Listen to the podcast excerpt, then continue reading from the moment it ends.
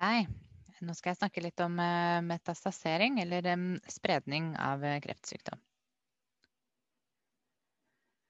Fordi når kreftsykdommen kun fins lokalisert der den oppsto, så er den enklest å behandle. Men som vi har vært inne på, så er et av kjennetegnene ved kreftsykdom at den har en evne til å metastasere eller spre seg. Og hvordan eh, kreftsykdommen eh, sprer seg, er avhengig av hvor primærtumoren eh, ligger.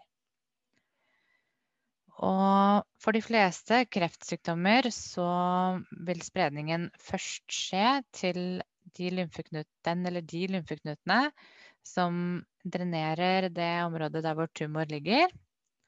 Og dette kaller vi da for en regional spredning, en lymfeknutespredning eller en, en lymfogen spredning. Når det er snakk om spredning til andre organsystem, så kaller vi det for um, fjernspredning eller um, en hematogen spredning. Og hva som skjer når uh, metastaseringen uh, forekommer, det er man litt um, usikker på, egentlig. Eller det finnes flere teorier knytta til det. Men det man er sikker på, er at det er en um, trinnvis prosess. Der hvor først uh, tumorcellene må løsne fra svulsten. En eller flere tumorceller løsner fra svulsten og fraktes da til et nytt sted Ehm, med eh, lymfen eller med blodet.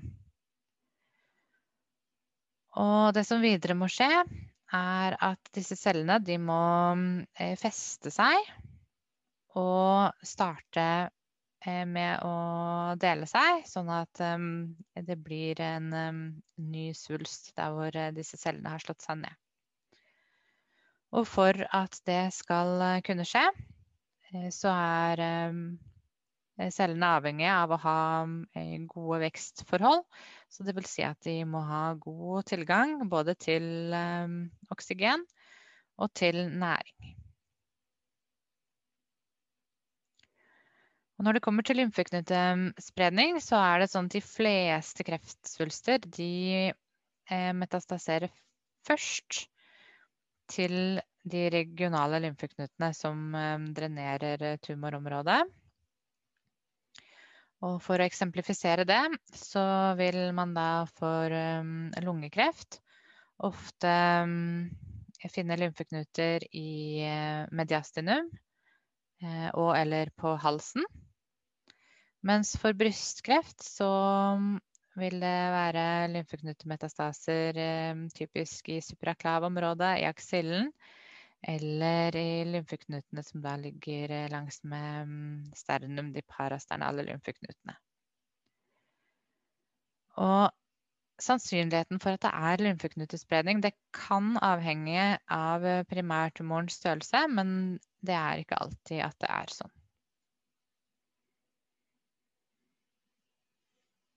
Når det kommer til eh, fjernspredning, så skjer dette ved at um, kreftcellene de fraktes med blodet til andre organer i kroppen.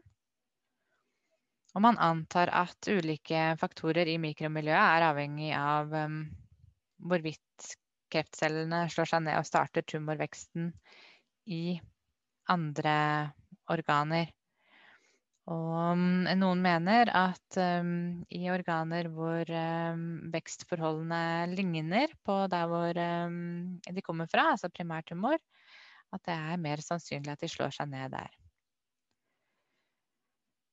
Men i de fleste tilfeller så er det sånn at hvis man har eh, fjernmetastaser, så er det disse som gjør at pasienten dør av kreftsykdommen. Så det er ikke så vanlig at man dør av selve mm, primærsvulsten.